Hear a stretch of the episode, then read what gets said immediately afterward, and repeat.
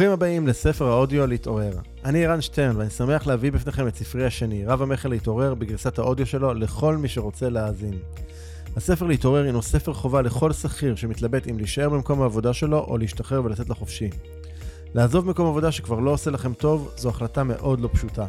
אולי זה השכר שלכם שלא מספק, אולי זה הקידום שלעולם לא מגיע, אולי הערכים של החברה שמעסיקה אתכם כבר לא מתאימים לכם, אולי אתם פשוט מוקפים באנשים חסרי מעוף ואין מקום ליצירתיות שלכם. ולמרות כל זאת, אתם מתקשים לזוז מהמקום, לקום ולעשות שינוי. עד שמגיע הרגע שבו אתם מבינים שזהו, הגיע הזמן לשנות, מספיק, הזמן שלכם הגיע. אז אם גם הזמן שלכם הגיע, הספר הזה נועד לכם. להתעורר יחשוף אתכם שלב אחר שלב לעולם שלם שלא הכרתם, עולם חדש של הזדמנויות עצומות, אשר מאפשרות לכם לחדול מכל מה שלא מתאים לכם יותר, ולחיות בדיוק את החיים שרציתם. הספר מדריך צעד אחר צעד מה אפשר לעשות היום, מחר, וכשנתקלים בקשיים ומכשולים בדרך. יתגלו בפניכם אסטרטגיות, כיוונים וכלים מעשיים ליצירת הכנסות חדשות החל ממחר בבוקר, שאינן תלויות רק במקום העבודה שלכם. ההתפתחות בדרך החדשה תהיה בהירה ומובנת יותר. ואם כבר קיבלתם השראה ואתם רוצים להתעורר לחיים החדשים שלכם ומחפשים את העזרה לעשות את זה, אני מזמין אתכם לתאם איתנו שיחת בהירות. בשיחה הזו נעזור לכם להתמקד ולהבין כיצד לקדם את השינוי בחייכם. לתיאום השיחה ייכנסו לאתר ערנסטרן.co.il/doingchange אני חוזר, ערנסטרן.co.il/doingchange ועכשיו אנחנו נכנסים מיד לפרק. האזנה נעימה.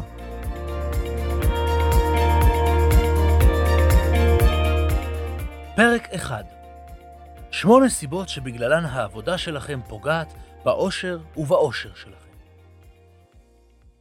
בהקדמה לספר ציינתי את הפערים ששכירים רבים חשים במקומות העבודה שלהם.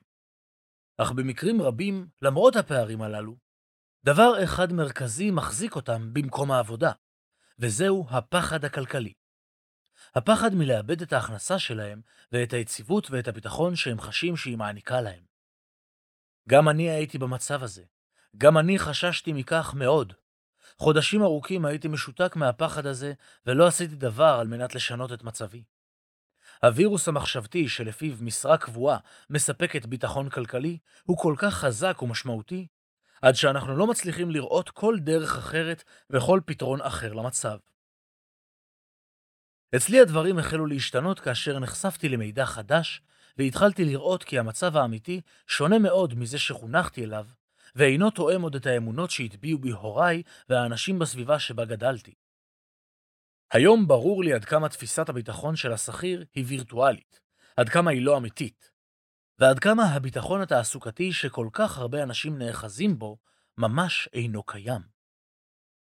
בפרק הזה אמנה שמונה סיבות עיקריות לכך. לחלק מכם זה עלול להיות לא פשוט לקריאה. היו מודעים לאופן שבו האמונות שלכם מופיעות, וכיצד עולה בכם התנגדות לדברים שנאמרים כאן. אני בטוח שלחלק מכם זה יקרה. בפרקים הבאים אציג גם פתרונות מעשיים, וכיצד ניתן להתגבר על הווירוס המחשבתי ועל הפחד, שמשתק כל כך הרבה אנשים ומשאיר אותם כבולים לעבודה שאולי כבר לא מתאימה להם יותר. סיבה מספר אחת הפנסיה שלכם רחוקה מלספק את הצרכים הכלכליים העתידיים שלכם.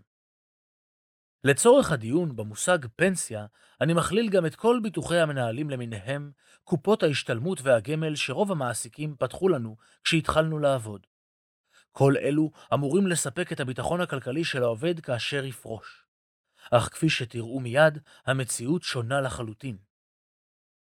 כתבתי כבר קודם על כך שבמקרה המיטבי והאידיאלי ביותר, אדם שהשקיע באופן עקבי ומסודר בפנסיה שלו, יזכה לקבל לכל היותר כ-50% מהשכר האחרון שקיבל לפני שפרש לפנסיה. אבל המציאות היא לרוב יותר עגומה מכך.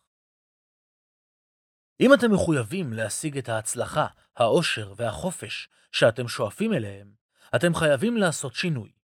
אתם חייבים לשנות את התפיסה והגישה שלכם.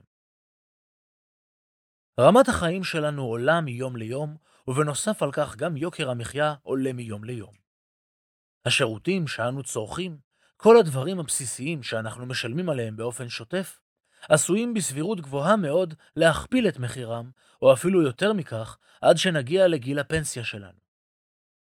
בנוסף לכך, ההוצאות שלנו צפויות להיות גבוהות יותר בעתיד. ההוצאות על הבריאות שלנו והוצאות הדיור עולות משנה לשנה, ויעלו יותר כשנגיע לגיל פרישה. וכל זאת עוד לפני שבכלל הגענו לממש את כל החלומות והיעדים שהצבנו לעצמנו להגשים בימי חיינו. הטיול הגדול שרצינו לעשות, בית הנופש, היאכטה או הרכב המיוחד שחלמנו עליו במשך כל השנים. כל מה שאנו חולמים שיעניק לנו רווחה בשנות החופש שלנו כשנצא לפנסיה, אחרי שנים רבות של עבודה, עולה כסף והרבה. עומדים לצאת לפנסיה? תתכוננו לרדת ברמת החיים. מתוך דה מרקר, מאת מירב ארלוזרוב הזינוק בתוחלת החיים והתקצרות שנות העבודה הביאו לכך שפחות שנים של חיסכון צריכות להספיק לתקופה ארוכה יותר של פנסיה. מה עושים? משפיעים על מקבלי ההחלטות לדחות את הפרישה לגיל 70-80. כדאי גם להתכונן רגשית ולהיערך לחיים צנועים. כתבה שנייה בסדרה תוחלת החיים שלנו עולה בהדרגה משנה לשנה. המשמעות היא אחת, אנחנו נחיה יותר שנים. הרבה יותר שנים. הרבה יותר שנים ממה שמתכנני קרנות הפנסיה תכננו שנחיה.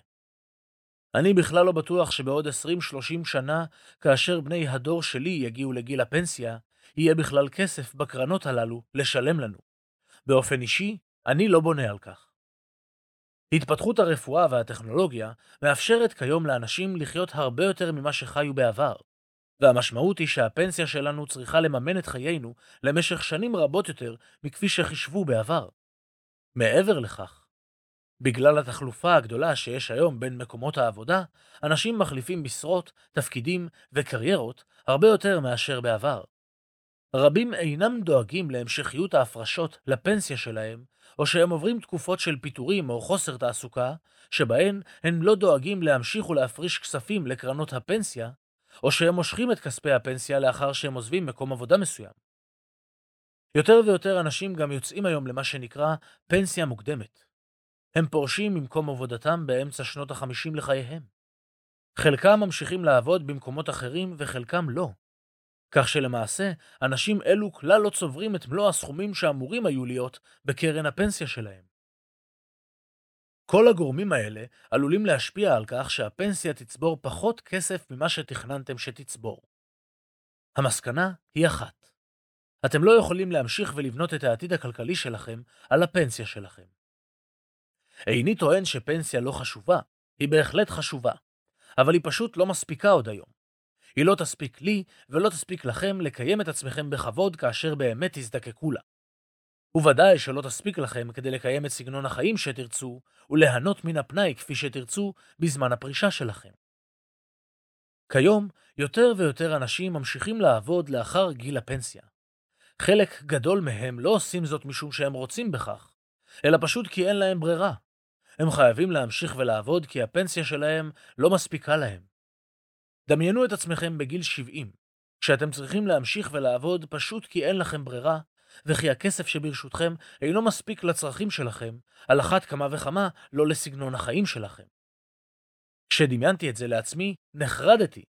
הבנתי שאם אני ממשיך לסמוך ולהסתמך אך ורק על הפנסיה שלי, אני עומד להתעורר בגיל מאוחר מדי ולגלות שהשליתי את עצמי.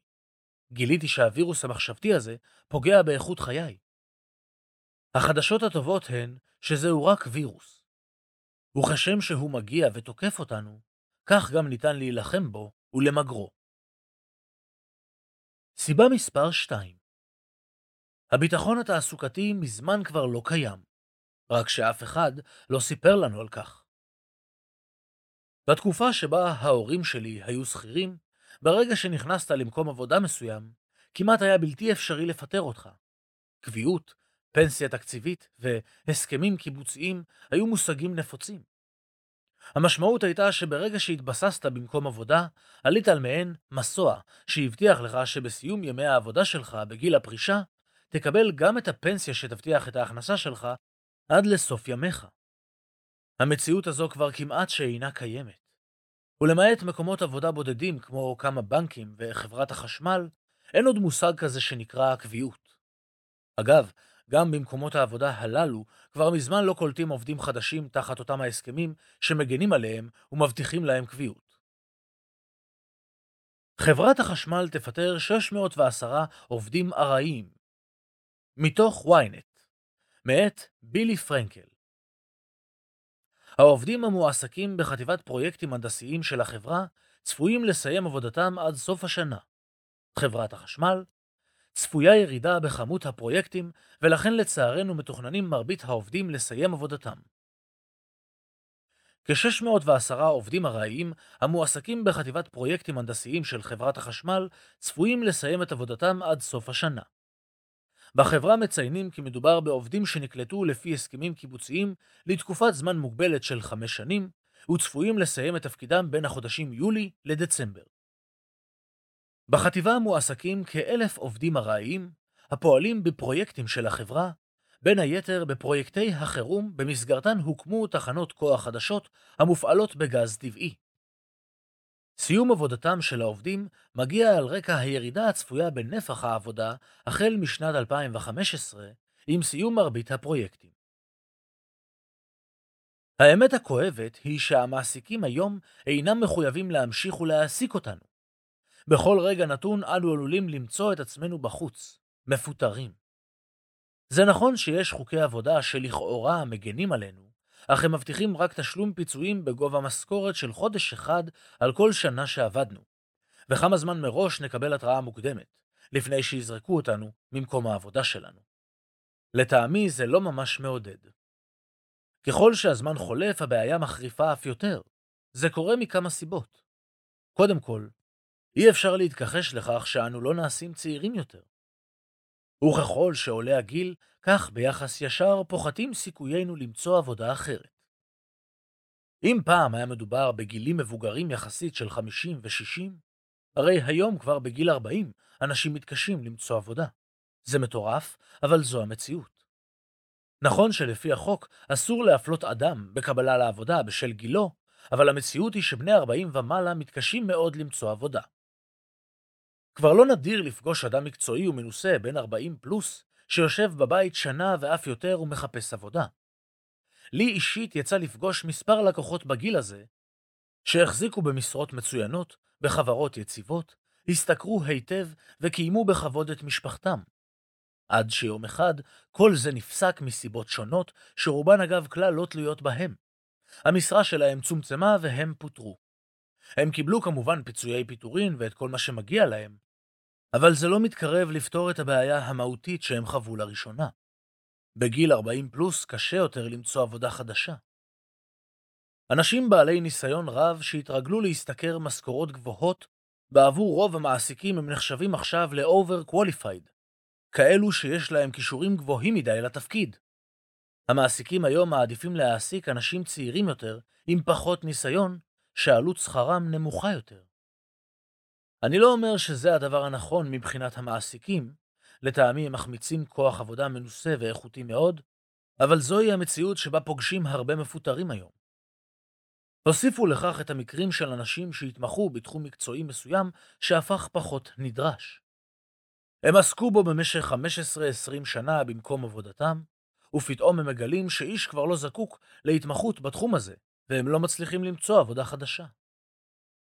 בסקר שערך כלכליסט דיווחו 60% מהעובדים שהם עוסקים בתפקידים שהם קטנים עליהם, כלומר שהם overqualified בעבורם. הם מחזיקים בתפקידים הללו מסיבה אחת פשוטה, כי אין להם ברירה. קשה לתאר מה עובר על אדם שמפוטר מעבודתו לאחר 15-20 שנה, עבודה שבה הצליח, התקדם, קיבל שכר גבוה, ביסס בית ומשפחה, קיבל עליו התחייבויות כספיות כמו משכנתה, וכעת מוצא את עצמו בחוץ. הוא מתקשה למצוא עבודה. היום לא נדיר למצוא אנשים מובטלים לזמן רב, שנה, שנתיים ואף יותר. הביטוי של הפגיעה הזאת הוא לא רק כלכלי, והוא מהדהד ומשפיע על מעגלים רחבים הרבה יותר. גם משפחותיהם נפגעות בצורה משמעותית. משפחות ומערכות זוגיות נהרסות בגלל מקרים כאלו. אנשים שנותרים מחוץ למעגל העבודה זמן רב, סובלים במקרים רבים בירידה ברמת הביטחון העצמי, הדימוי העצמי ותפיסת הערך העצמית שלהם. המציאות שבה מקום העבודה שלכם מובטח ותוכלו להגיע באמצעותו לפנסיה המיוחלת ואז לפרוש, נמוגה מן העולם. אבל מרבית האנשים ממשיכים להתנהל כאילו זו מציאות שעדיין קיימת. בשנת 2013, שר הכלכלה בזמנו, נפתלי בנט, דיבר על כך בכנס ועידת התחזיות, כנס שנתי של בכירי המשק והכלכלה הישראלית. הוא אמר, אין עוד אופציה לעלות על המסלול של המדרגות הנאות של הפנסיה המובטחת. בנט תיאר את התהליך שהיה נכון לפני שנים, בתקופה של ההורים שלנו, אבל היום כבר לא קיים כמעט. הוא קרא לזה המדרגות הנאות, כלומר לסיים את הלימודים ולהיכנס למקום עבודה שבו נישאר לאורך שנים. ניתן את השנים הנדרשות כדי שבסוף נגיע לפנסיה המיוחלת.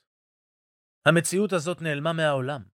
הביטחון התעסוקתי גם הוא נעלם, המחויבות של המעסיקים לעובדים שלהם הולכת ומצטמצמת, ואין זה משנה כלל כמה שנים עבדנו במקום העבודה שלנו, כמה תרמנו לו וכמה השקענו בשנים הללו. בתוך 30 יום מהיום אנו עלולים למצוא את עצמנו בחוץ. ומה אז? סיבה מספר 3 התפקיד שאתם עושים היום כנראה כבר לא יהיה קיים בעוד כמה שנים. העולם שלנו משתנה כל הזמן. ויחד איתו משתנים גם התפקידים והעבודות הנדרשים בו. סבא שלי היה חייט. גם אבא של סבא שלי היה חייט. פעם חייט היה מקצוע מאוד מבוקש ומאוד נדרש. היום אני לא מכיר אף אחד שזהו המקצוע שלו. התקדמות הטכנולוגיה וההתפתחויות המהירות שהיא מביאה איתה, הופכת תפקידים רבים לבלתי רלוונטיים, והם הולכים ונעלמים. אתם מכירים עוד מקצועות כמו חייט שנעלמו מן העולם? פעם היו גם הרבה סנדלרים שתיקנו נעליים. היום כמעט איש לא מתקן את נעליו, הוא פשוט הולך ורוכש זוג חדש. לא רק מקצועות מסוימים נעלמים, גם תעשיות שלמות פשוט נמחקות. חברות ענק ששלטו בתחומן אינן קיימות עוד. הנה כמה דוגמאות. חברת קודק, ששלטה בתחום הצילום, פשוט נמחקה, משום שלא התאימה את עצמה מהר די הצורך לעולם הצילום הדיגיטלי. חברת בלוקבאסטר הענקית, עם אלפי סניפים להשכרת סרטי וידאו בכל העולם, נעלמה אף היא מן העולם. חברת המחשוב הענקית דיגיטל נכחדה, ואי אפשר שלא להזכיר אין ספור מקצועות שכבר נעלמו מן העולם, בעיקר במקומות שבהם טכנולוגיה חדשה החליפה אנשים שעשו את התפקיד קודם לכן.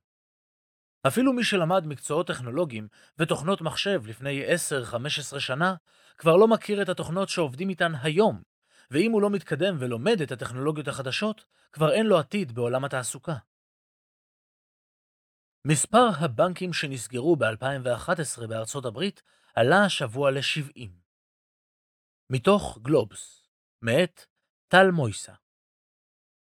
הרגולטורים סגרו אתמול שני בנקים כושלים בג'ורג'יה. בתקופה המקבילה ב-2010 נסגרו 118 בנקים.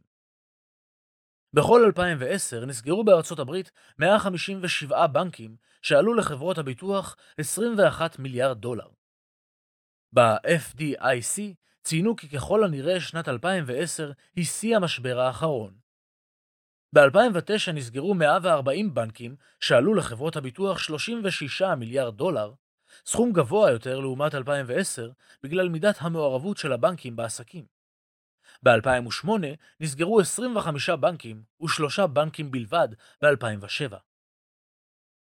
בסקר שנערך על ידי הכלכלן קארל פריי מאוניברסיטת אוקספורד, חשף כי בשנים הקרובות ייעלמו רבים מהמקצועות המוכרים לנו כיום. הם חשפו מה הסבירות שהמקצועות השונים ייעלמו מן העולם. בין המקצועות שהופיעו שם עם סבירות של יותר מ-40% סבירות שיעלמו, היו גם המקצועות הבאים מקצועות הכלכלה, טיסה מסחרית, מכונאות, קלדנות, תיווך, מכירות, חשבונאות וטלמרקטינג. לפי חישוביו של פריי, בתוך שני עשורים, מחשבים, תוכנות ורובוטים עשויים להשתלט ולהחליף 47% מהמשרות הקיימות.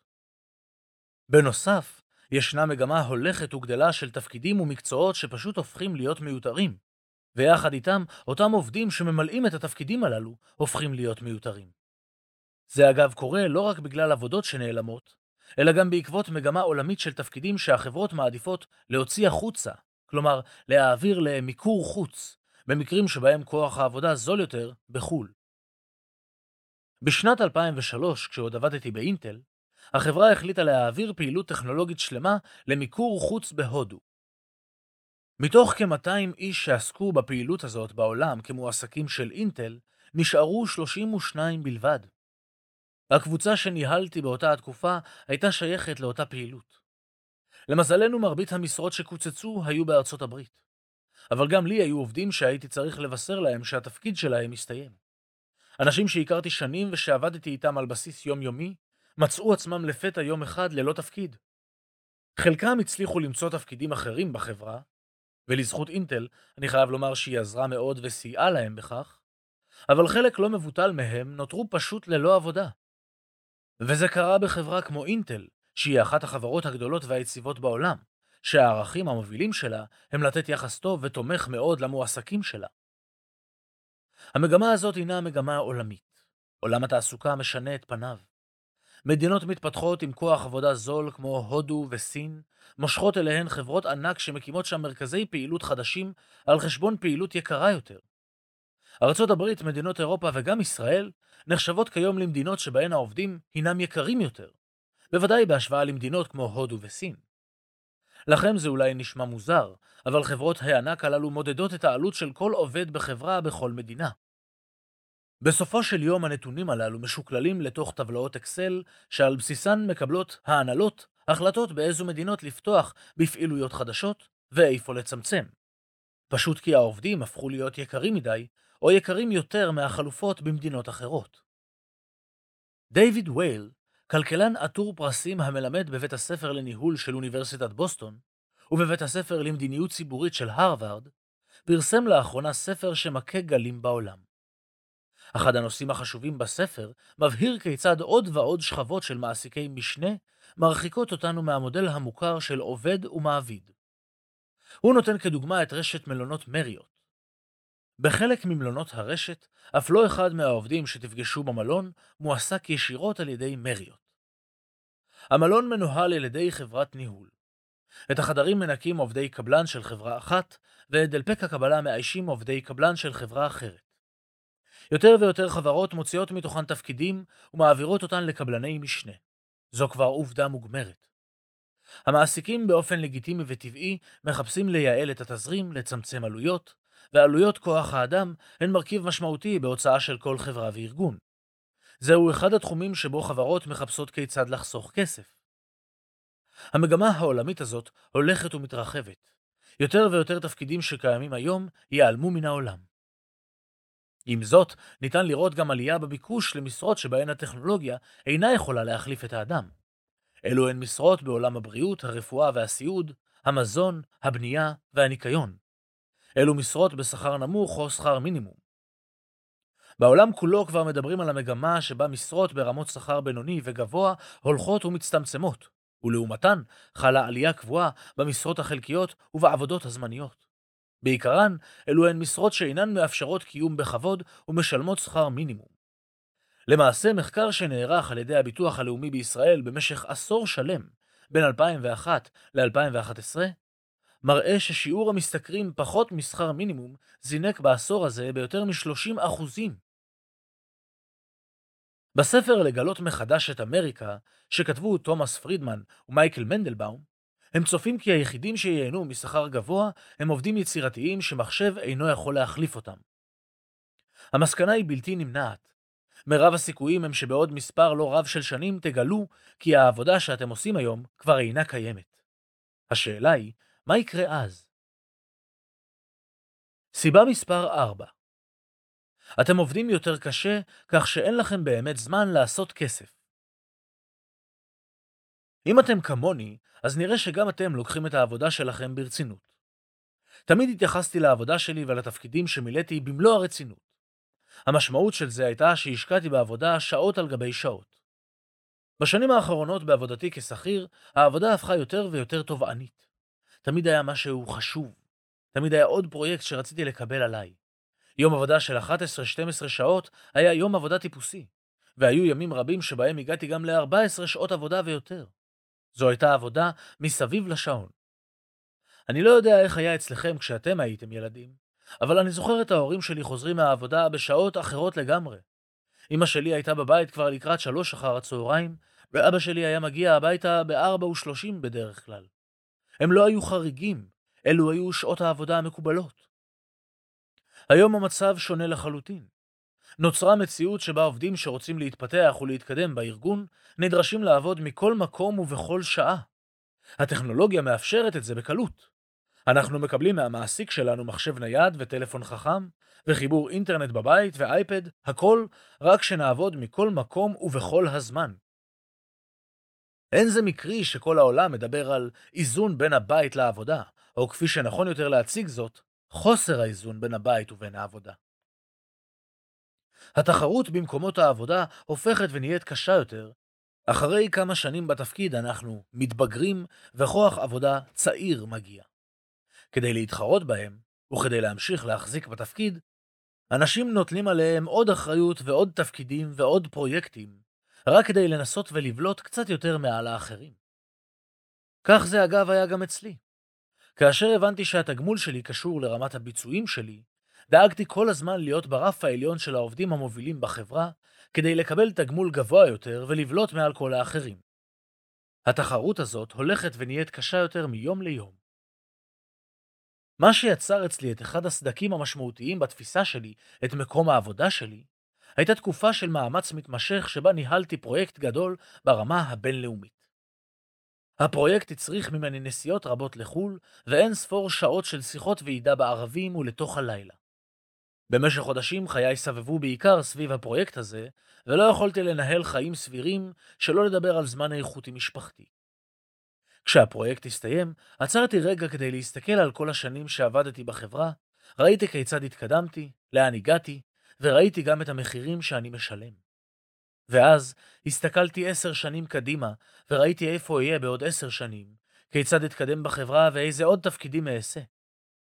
אבל ראיתי גם את המחירים שאדרש לשלם. לא אהבתי את התמונה שראיתי. היא לא התאימה לשאיפות ולרצונות שלי. אחי הגדול הרבה פעמים היה אומר משפט שלא הבנתי עד שעזבתי את מקום העבודה שלי כשכיר והקמתי עסק. הוא תמיד אמר, למי שעובד, אין זמן לעשות כסף.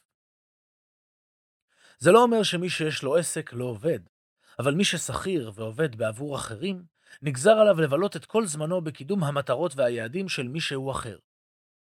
המציאות היום היא שצריך לעבוד קשה יותר ולו רק כדי להישאר באותו המקום, שלא לדבר על להתקדם ולהתפתח. חברת המחקר גלופ פרסמה תוצאות של מחקר שמראות כי יותר ויותר עובדים חיים בדאגה לפגיעה במשרה שלהם. בעוד שב-2003 15% מהעובדים חששו מקיצוץ במשרה שלהם, כעשר שנים מאוחר יותר כבר 25% חוששים. בשנת 2003 19% חששו מפיטורים, בשנת 2013 כבר 29% חוששים. 31% מהעובדים חוששים מקיצוץ במשכורתם, ו-43% מהעובדים חוששים מפגיעה בתנאים שלהם, לעומת 17% ו-31% בהתאמה ב-2003. נתוני בנק ישראל מראים כי בעוד שרמת הפרודוקטיביות של העובדים בארץ עלתה באופן משמעותי ב-20 השנים האחרונות, הרי רמת השכר הריאלי של העובדים נותרה כמעט ללא שינוי. הנתונים הללו מראים כמה מגמות שכבר הזכרתי כאן קודם. צריך לעבוד קשה יותר במקום העבודה רק כדי להישאר באותו המקום. אין שיפור ממשי ברמת השכר, רמת הביטחון התעסוקתי הולכת ויורדת בהתמדה. אנו נדרשים כיום לעבוד קשה יותר מאי פעם. לא ייפלא אפוא שאין לנו זמן לשום דבר אחר. בטח לא למה שעלינו לעשות כדי לדאוג לעתיד הכלכלי שלנו. הדבר דומה לאדם שרץ על הליכון במאמץ מתגבר, אך בעצם אינו מגיע לשום מקום חדש. לדעתי, אם כבר נדרש מאיתנו לעבוד קשה, עדיף לעבוד בעבור עצמנו, ולפתח את העתיד הכלכלי שלנו, מאשר לעבוד בשביל מישהו אחר. אגב, הצד המואר בלהיות שכיר הוא הניסיון שצברנו לאורך השנים, כל הידע והכישורים שפיתחנו אינם הולכים לאיבוד. הם עוד ימשיכו לשרת אותנו היטב בהמשך הדרך. סיבה מספר 5 העבודה כבר משעממת למוות. אינני יכול לדעת בעבור מי מכם הקוראים סיבה זו רלוונטית ולמי לא. אבל מניסיוני היא נוגעת למרבית האנשים. מעבר לניסיון הפרטי שלי וההיכרות שלי עם אלפי לקוחות עד היום, ישנם גם מחקרים שמצביעים על הנתונים הללו. זוהי מגמה עולמית הולכת וגדלה. סקר עדכני של חברת המחקר העולמית מרסר, שבו השתתפו יותר מ-30 אלף עובדים, הראה כי יותר מ-50% מהעובדים אינם נהנים מהעבודה שלהם. יותר מ-30% שוקלים לעזוב ולחפש עבודה אחרת שתעניין אותם. הסקר הראה כי רמת שביעות הרצון והסיפוק של עובדים מהעבודה שלהם נמצאת בירידה מתמדת בשנים האחרונות. סקר נוסף של מכון המחקר האמריקאי The Conference Board הראה כי משנות ה-80 ועד 2012, שביעות הרצון של עובדים מעבודתם ירדה מ-61% ל-45% והיא ממשיכה לרדת בהתמדה. פחות ופחות עובדים ציינו את העבודה שלהם ככזו שמעניקה להם תחושת הישג וסיפוק עצמי, וגם רמת המחויבות של העובדים למקום העבודה בצניחה תלולה. בסקר גדול שנערך ב-2011 בארצות הברית, דיווחו 91% מהעובדים כי הם מוכנים להחליף את מקום עבודתם. אגב, הנתונים הללו אינם ייחודיים רק לעובדים מן השורה, אלא הם אף גבוהים יותר במשרות הניהוליות הבכירות יותר. 53% מהמנהלים שהשתתפו בסקר דיווחו שהם שוקלים לעזוב ולחפש מקום עבודה אחר. אם נזכר לרגע בנתונים שהראו שיותר ויותר אנשים עוסקים בתפקידים שקטנים עליהם, שאינם מאתגרים או מפתחים אותם, אז הנתונים הללו אינם צריכים להפתיע איש. מרבית העובדים פשוט משתעממים בעבודה שלהם, נקודה. בשנים הראשונות שעבדתי באינטל, הרגשתי שאני מאוד מתקדם. לומד דברים חדשים, מתנסה בדברים חדשים, מתפתח. אך במשך הזמן זה הלך ודעך. זהו מצב אבסורדי לגמרי. ככל שהתקדמתי לתפקידים בכירים יותר, הרגשתי שאני משתעמם יותר. נדרשתי לעשות פחות דברים יצירתיים ויותר דברים אדמיניסטרטיביים, וכאלו הקשורים לתהליכי העבודה. ככל שהתקדמתי בתפקידים, כך הרגשתי שיש פחות משמעות וערך לתפקיד שמילאתי, בעיקר בגלל הבירוקרטיה והפוליטיקה הארגונית. האמת הפשוטה היא שאי אפשר להצטיין במשהו שמשעמם אותך. ואם התפקיד שאתם עושים היום כבר משעמם אתכם, אתם לא תוכלו להצטיין בו או להוביל בו. ומשם הדרך למטה מאוד מהירה. סקר של מכון המחקר Market Watch בישראל הראה שיותר אנשים מתייחסים למימוש עצמי כאל הפרמטר העיקרי שחשוב לאושר שלהם. העיסוק שלנו תמיד יהיה קשור בקשר ישיר לתחושת המימוש העצמי שלנו. אני מאמין שכל אחד מאיתנו הגיע לעולם הזה עם מטרה מסוימת. לכל אחד מאיתנו יש כאן תפקיד שעליו למלא. כל אחד מאיתנו הגיע עם אוסף ספציפי ומסוים של כישורים, יכולות ואיכויות שייחודיות לו. זה התפקיד והאחריות שלנו להביא לידי ביטוי ומימוש את אותן היכולות והכישורים שלנו.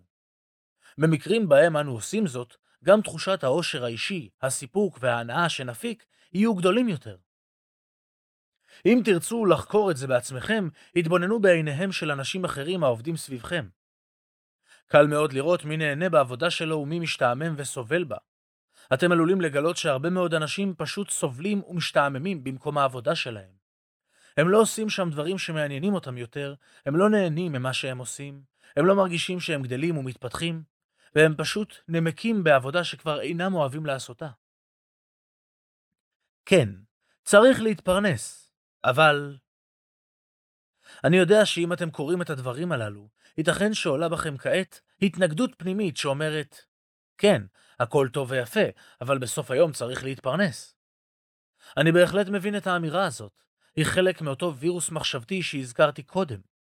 זו אותה התפיסה שאומרת שאתה לא יכול גם להתפרנס וגם ליהנות ממה שאתה עושה. זו אולי המציאות של רוב האנשים. הם הולכים למקום עבודה שהם לא אוהבים, או ממלאים תפקיד שכבר לא מעניין אותם, רק כדי שיוכלו להביא כסף הביתה. המציאות שלי ושל אלפים מהאנשים שליוויתי בשנים האחרונות היא שונה לחלוטין.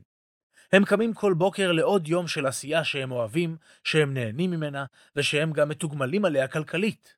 ומעניין מאוד לגלות שברוב המקרים התגמול שלהם אף גבוה יותר. אם תחקרו את הביוגרפיות של האנשים העשירים והמצליחים ביותר, תגלו שאחד מעקרונות המפתח שכולם יזכירו ויאמרו הוא שאתם חייבים לאהוב את מה שאתם עושים. זה אחד המפתחות הגדולים לאושר. חייבת להיות לכם תשוקה על העיסוק שלכם. ללא תשוקה לדבר, יהיה לכם מאוד קשה להתמיד. בעשייה ללא תשוקה, אנו לא נמצאים ולא פועלים בשיא היכולות שלנו. איפה שיש לנו תשוקה, שם תהיה לנו גם מוטיבציה, אנרגיה ויצירתיות ברמה הרבה יותר גבוהה, ושם גם נרוויח יותר. ומובן שגם עבודה שהיא מתגמלת אותנו מבחינה רגשית, משפיעה על הבריאות שלנו. אנשים שאוהבים את מה שהם עושים, נמצאים באנרגיה גבוהה יותר, ובדרך כלל גם ברמת בריאות טובה יותר. אבל אני קצת מקדים את המאוחר. אני ארחיב על כך עוד בהמשך הספר. בינתיים יש עוד כמה סיבות שבגללן העבודה פוגעת באושר, בעושר ובבריאות של עובדים שכירים רבים. סיבה מספר 6 הוותק כבר לא קובע. לפני כמה שנים מספיק היה להיכנס לתפקיד מסוים במקום עבודה מסוים ולהישאר בו מספיק זמן כדי להתקדם גם בסולם הדרגות וגם ברמת השכר. במרבית מקומות העבודה בשוק העבודה כיום זו כבר לא המציאות. אולי למעט מקומות עבודה ספורים עם משרות קבועות כמו פעם, כמו חברת החשמל והבנקים. כבר הזכרתי קודם שגם קביעות היא לא מה שהייתה פעם, ובכל רגע נתון אתם יכולים למצוא את עצמכם מחוץ למקום העבודה. בגיל מבוגר יותר המשמעות של זה ברוב המקרים היא להיפלט אל מחוץ למעגל העבודה. בשנות העבודה שלי כשכיר גיליתי שהוותק בתפקיד או במקום העבודה במקרה הטוב מפסיק להיות יתרון ובמקרה הפחות טוב אף הופך לחיסרון. שנתיים אחרי שהגעתי לאינטל כבר הפכתי להיות מנהל של עובדים שהיו ותיקים ממני בחברה ובקבוצה שניהלתי. היו שם עובדים שהגיעו לחברה עשר שנים לפניי. בתוך זמן קצר התקדמתי ועברתי אותם, גם בדרגת התפקיד וגם ברמת השכר. זו הייתה בעבורי ההוכחה הראשונית מהשטח שהוותק אינו קובע. מה שיותר ויותר קובע היום, בוודאי בעולם העסקי וגם בעולם התעסוקתי, הוא הערך שאתה מביא איתך למקום העבודה או לתפקיד שאתה ממלא. כבר לא כל כך משנה מה למדנו, איפה למדנו, מה הניסיון שלנו, או איזה תעודה יש לנו, וגם לא מתי התחלנו לעבוד. המעסיקים היום מחפשים אנשים שיודעים להביא תוצאות אמיתיות בנתונים ובתנאים של היום. בספר שכתבו שני פרופסורים חוקרים מאוניברסיטת קליפורניה, קלר בראון וגרג לינדן, מתברר כי משכורות של מהנדסים בחברות הייטק עולות בחדות מגיל 30, מתייצבות בין גיל 40 ל-50, ולאחר מכן מתחילות לרדת. דבר זה מגביר כמובן עוד יותר את התסכול בקרב עובדים מבוגרים יותר, שמגלים ששכרם נמוך יותר מהשכר של עובדים צעירים מהם שמאיישים לפעמים ממש את אותו תפקיד. אנשים נוהגים להתמקח על המחיר שיקבלו לשעת עבודה. זו אחת התפיסות השגויות שיש לרוב השכירים וגם לחלק לא קטן מהעצמאים. מי שקובע את הערך של העובד השכיר הוא המעסיק. לעומת זאת, בעולם החופשי, בעולם העסקי, ישנם אין ספור אנשים שנהנים מתגמול של מאות ואלפי שקלים לשעת ייעוץ, או לשעת עבודה שלהם. כלומר, הערך שלהם בשוק מכתיב את השווי שלהם. והם יכולים להיות גורם משמעותי ובעל יכולת להעלות את השווי האישי שלהם בשוק החופשי. שימו לב, יש כאן שיעור חשוב מאוד. התגמול שאנו מקבלים אינו קשור כלל לזמן ולא קשור לשעה. התגמול שאנו מקבלים צריך לבטא את מידת הערך שאנו מספקים במהלך אותה שעה. אם תמצאו את הדרך להעלות את הערך שלכם, למשל באמצעות מיתוג ייחודי, או שילוב ייחודי או חדשני של תחומי ידע מסוימים, ולהביא יותר ערך למעסיק שלכם, לחברה שאתם עובדים בה, או ללקוחות שלכם, התגמול שתקבלו יהיה גבוה יותר. העולם שלנו השתנה, הוותק כבר לא קובע, וכללי המשחק השתנו. כללי המשחק החדש מותג אישי וערך גבוה כללים רבים בעולם החדש שונים מאלו שהיו קודם. בכללי המשחק החדשים, על מנת לזכור לתגמול כלכלי גבוה, חשוב שיהיה לנו מותג אישי חזק.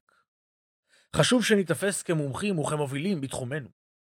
אין זה משנה כלל כמה זמן אתם עוסקים במקצוע מסוים, חשובה יותר התפיסה שיש לאנשים כלפיכם וכלפי המקצועיות והמומחיות שלכם, וכמובן הערך שהם מקבלים מכם. זה נכון גם אם אתם עדיין עובדים כשכירים במקום כלשהו, וודאי שזה נכון אם אתם בעלי עסק עצמאי. המותג האישי חזק יותר מכל ותק או מכל השכלה שרכשתם לעצמכם. הסתכלו סביב ותראו דוגמאות רבות לכך בכל תחום וגם במקום העבודה. כשהבנתי שהמותג האישי משחק תפקיד משמעותי, חיפשתי כיצד לבלוט יותר מהאחרים ולהגדיל את ערך המותג שלי. אם דרך פרויקטים ייחודיים שהייתי מקדם, אחריות נוספת שהייתי נוטל עליי, או אתגרים שהייתי מתנדב לקחת ולפתור. כל אלו גרמו לכך שהייתי מוערך יותר בקרב המנהלים שלי, העמיתים שלי והעובדים שלי.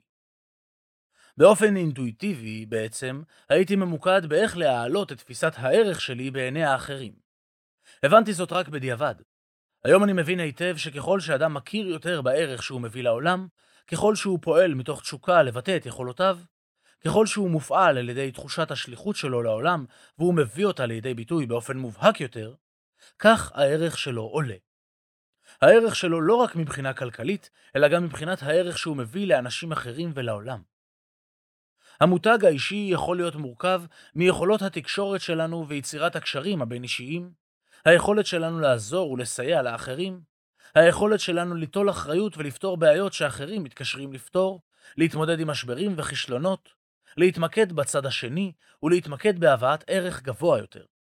כל אלו בונים את המותג האישי שלנו וגורמים לכך שיותר אנשים יעריכו אותנו, יזדקקו לשירותינו וגם יהיו מוכנים לתגמל אותנו על כך. מותג אישי הוא תוצר של התרכובת הייחודית של מכלול היכולות שלך. ערך גבוה הוא המרכיב השני במשוואה החדשה. ככל שהערך שאדם מביא לאחרים ולעולם גבוה יותר, כך גם התגמול האישי והכלכלי שלו יהיה גבוה יותר. בהיותי שכיר, כל הזמן חיפשתי איך להביא יותר ערך בתפקידים שאני עושה. זיהיתי מערכים שבתוכם ניתן היה לייעל, לשפר ולהביא תוצאות טובות יותר. בתקופה של תשע שנים מילאתי שישה תפקידים שונים. זה אומר שהחלפתי תפקיד בכל שנה וחצי בממוצע. זהו קצב מהיר מאוד.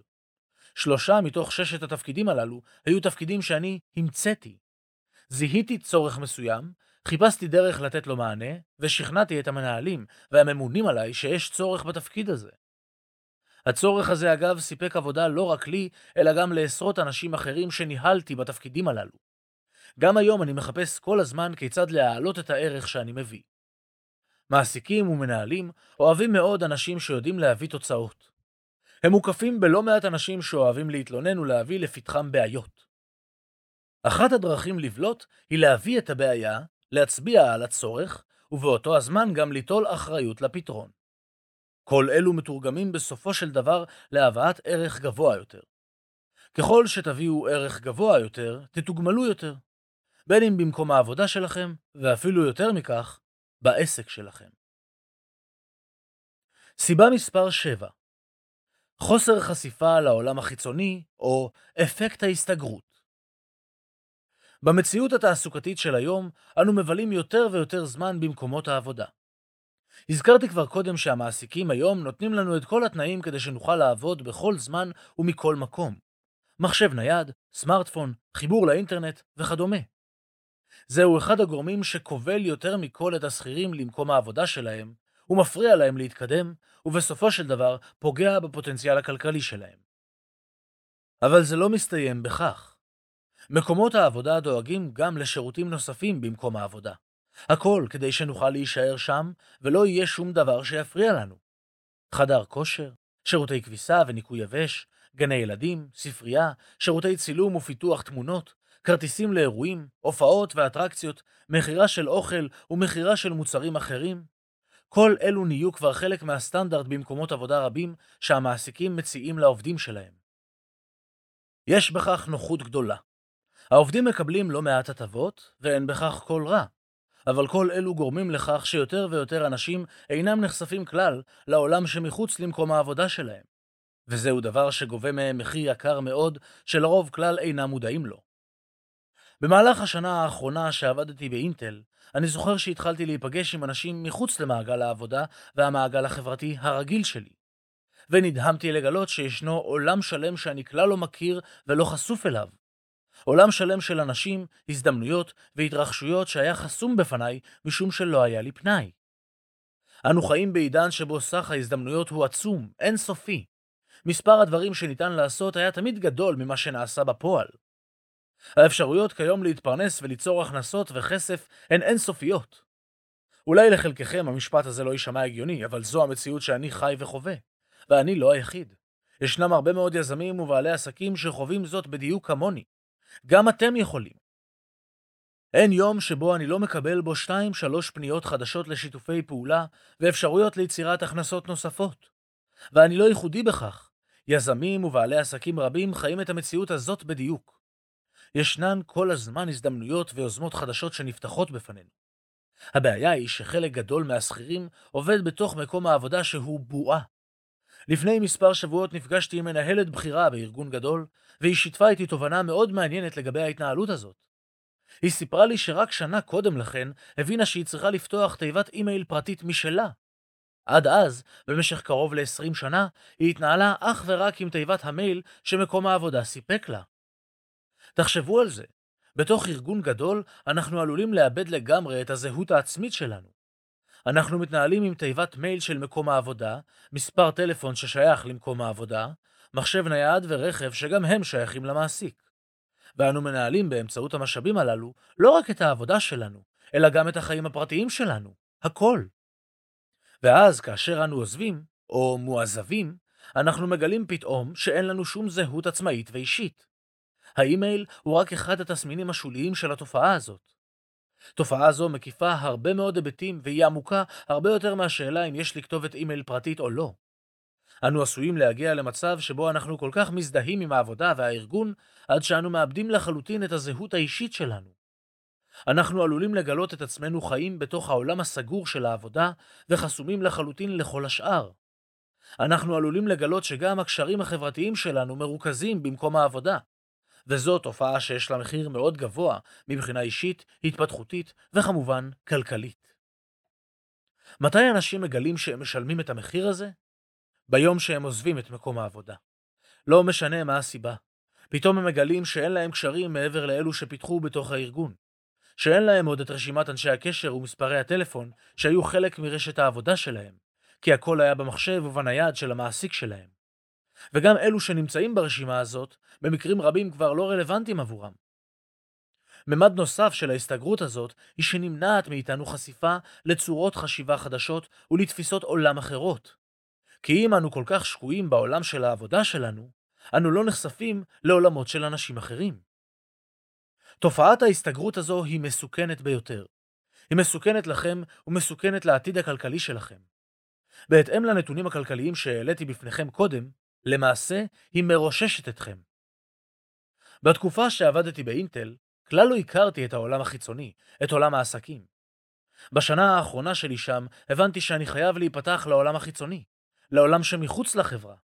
התחלתי לצאת ולהיפגש עם אנשים חדשים, להיפגש עם אנשי עסקים ויזמים. יזמתי היכרויות חדשות, פיתחתי קשרים חדשים. ההיכרויות הללו שינו את חיי. הם שינו לחלוטין את החשיבה שלי. נפתחתי לצורות חשיבה חדשות, ויצרתי לעצמי רשת קשרים ענפה וחזקה מאוד, שאני נעזר בה והיא נעזרת בי, ויחד אנו גם מייצרים הכנסות זה לזה עד היום. הנה תרגיל מעניין בעבורכם. צאו באחד הבקרים לטיול קצר בקניונים ובבתי הקפה שבמרכזי הערים. תגלו שהם בכלל לא ריקים. הם מלאים באנשים שלא הולכים לעבודה בבוקר. אותי התופעה הזאת הדהימה. ישנם כמה סוגים של אנשים שממלאים את המקומות הללו בבוקר. ביניהם גם אמהות טריות ופנסיונרים, אבל גם הרבה מאוד בעלי עסקים ויזמים. תוכלו לראות אותם יושבים בבתי הקפה עם מחשבים ניידים, עובדים, נפגשים ומייצרים הזדמנויות. זו מציאות אחרת לחלוטין מזו שהכרתי ומזו שהתרגלתי אליה. אם אתם חיים בבועה סגורה, עליכם להבין שאתם משלמים על כך מחיר כבד מאוד. אולי אתם לא מרגישים אותו כרגע, אבל אתם בהחלט תרגישו אותו בהמשך הדרך. עליכם להיפתח למקורות חדשים של ידע, של חשיבה ושל הזדמנויות. העולם שלנו השתנה. יש אין ספור הזדמנויות ואפשרויות מסביבנו, אנחנו רק צריכים להגיע פתוחים ולראות אותן. סיבה מספר 8 חשיבת השכיר הסיבה השמינית היא חשיבת השכיר שככל הנראה מנהלת אתכם. מה שאני קורא לו חשיבת השכיר הוא למעשה הביטוי של הווירוס המחשבתי שחלק גדול מן האוכלוסייה נגוע בו. יש לחשיבה הזאת הרבה צדדים ופנים שבאים לידי ביטוי ביום יום שלכם, במציאות שלכם ובתוצאות שלכם. זו גם הסיבה שבגללה שכירים שעוזבים את מקום העבודה שלהם ומקימים עסקים נכשלים, כי הם לא נפטרו מחשיבת השכיר שלהם. המשמעות הבסיסית של חשיבת השכיר היא שלמעשה האדם פיתח תלות מוחלטת באחרים. אדם שכיר הוא אדם שהסכים לכך שמישהו אחר יקבע כמה הוא שווה, באיזה בית יגור, איזה סגנון חיים יוכל לאפשר לעצמו, למשפחה ולילדים שלו, מתי יצא לחופשות וגם לאן הוא ייסע בחופשות הללו. כי שכירים שעובדים בעבור מישהו אחר, אתם נותנים למישהו אחר להחליט בשבילכם על איך שאתם תחיו את חייכם. מישהו אחר קובע באיזו איכות חיים אתם חיים. למעשה, הסרתם מעצמכם כל אחריות ומישהו אחר יחליט עבורכם. וכך ניתן לראות המוני אנשים, הרוב הגדול, שמפתחים תלות במקום העבודה שלהם, בפנסיה שלהם, או בקידום שיקבלו או שלא יקבלו. כאשר הסרטן נתקע בין הסלעים על חוף הים, אין לו הדחף והאנרגיה לצעוד בחזרה לתוך הים. הוא מחכה שהמים יגיעו אליו ויקחו אותו בחזרה אליהם. אם המים אינם מגיעים, הוא נשאר על הסלעים עד שהוא מתייבש ומת. ואף על פי שמאמץ קטן ביותר יאפשר לו להגיע בחזרה למים, שהם לעיתים במרחק של פחות ממטר ממנו. העולם שלנו מלא בסרטנים אנושיים. אנשים שתקועים על סלעים של חוסר החלטה ודחיינות. ובמקום למקד את האנרגיות שלהם ולצעוד קדימה, הם מחכים למישהו או משהו, מחכים למזל טוב שיקרה להם ויגרום להם לזוז ממקומם. דוקטור אוריסון סווט מרדן, מייסד מגזין סקסס. אחת השנים שעבדתי באינטל הייתה פנומנלית בעבורי. באינטל מודל התגמול וקבלת השכר מבוסס על הביצועים שלך. כלומר, אם הביצועים והתרומה שלך בשנה שהסתיימה היו גבוהים, תקבל העלאת שכר גבוהה יותר יחסית לשאר האנשים. באותה שנה זכיתי לקבל העלאה של 36%. תהליך קבלת העלאה הוא מאוד מסודר. בסביבות ינואר-פברואר אתה מקבל מכתב עם הערכת הביצועים שלך, ומכתב שמעדכן מהו השכר החדש שלך. העלאת השכר נכנסת לתוקפה בהמשך השנה באפריל. וכך קיבלתי את המכתב שלי עם 36% העלאה בשכר. אך עוד לפני שזו נכנסה לתוקף, החברה קיבלה החלטה שלא קשורה לביצועים שלי, או לערך שלי ושל שאר העובדים שקיבלו העלאה. הם החליטו לחתוך באופן גורף את כל העלאות השכר שהובטחו בחצי. גם 18% זה לא רע, אני לא מתלונן, אך זו הייתה נקודה שבה הבנתי שלמעשה נתתי למישהו אחר לשלוט בתוצאות שלי ובחיים שלי. בעיניי זו צורת חיים מסוכנת מאוד. אני מאמין שכל אחד אחראי לגורלו. ולשים את כל מבטחך במישהו אחר, במעסיק או בחברה שאתה עובד בה, זהו פשוט חוסר אחריות. זכורה לי היטב שיחה עם חבר קרוב ששמע על כוונתי לעזוב את עבודתי ולהקים עסק. הוא אמר לי שאני מסתכן מאוד, שאני לא אחראי, שיש לי משפחה שאני צריך לחשוב עליה.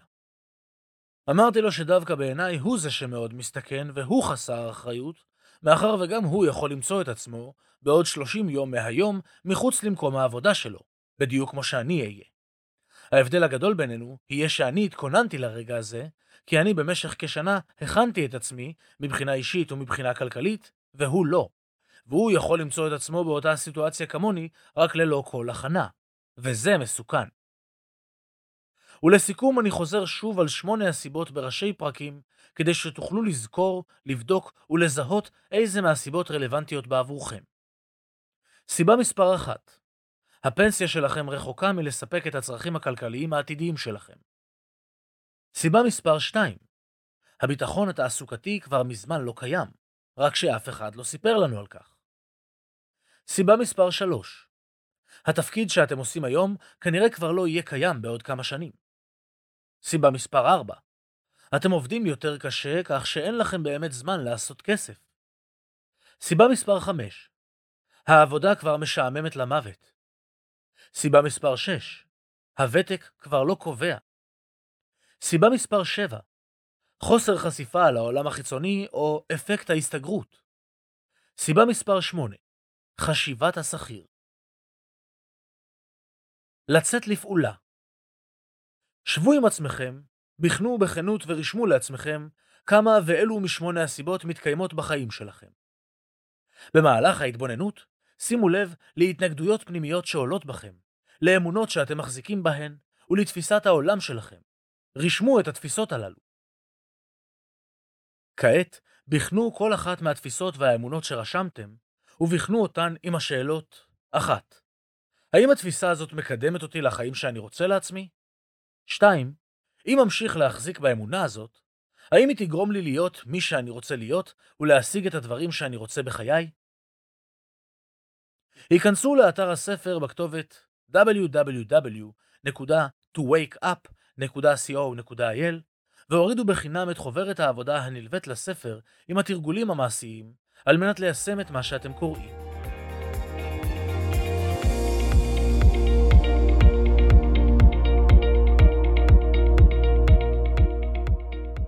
זהו, כאן מסתיים הפרק הזה. אם אהבתם אותו, ודאו שאתם מדרגים את הפודקאסט ב iTunes, ספוטיפיי, Google Podcast, SoundCloud, יוטיוב או בכל פלטפורמה אחרת שדרכה אתם מאזינים לנו כרגע. ומוזמנים גם לכתוב לי תגובות, מה אהבתם?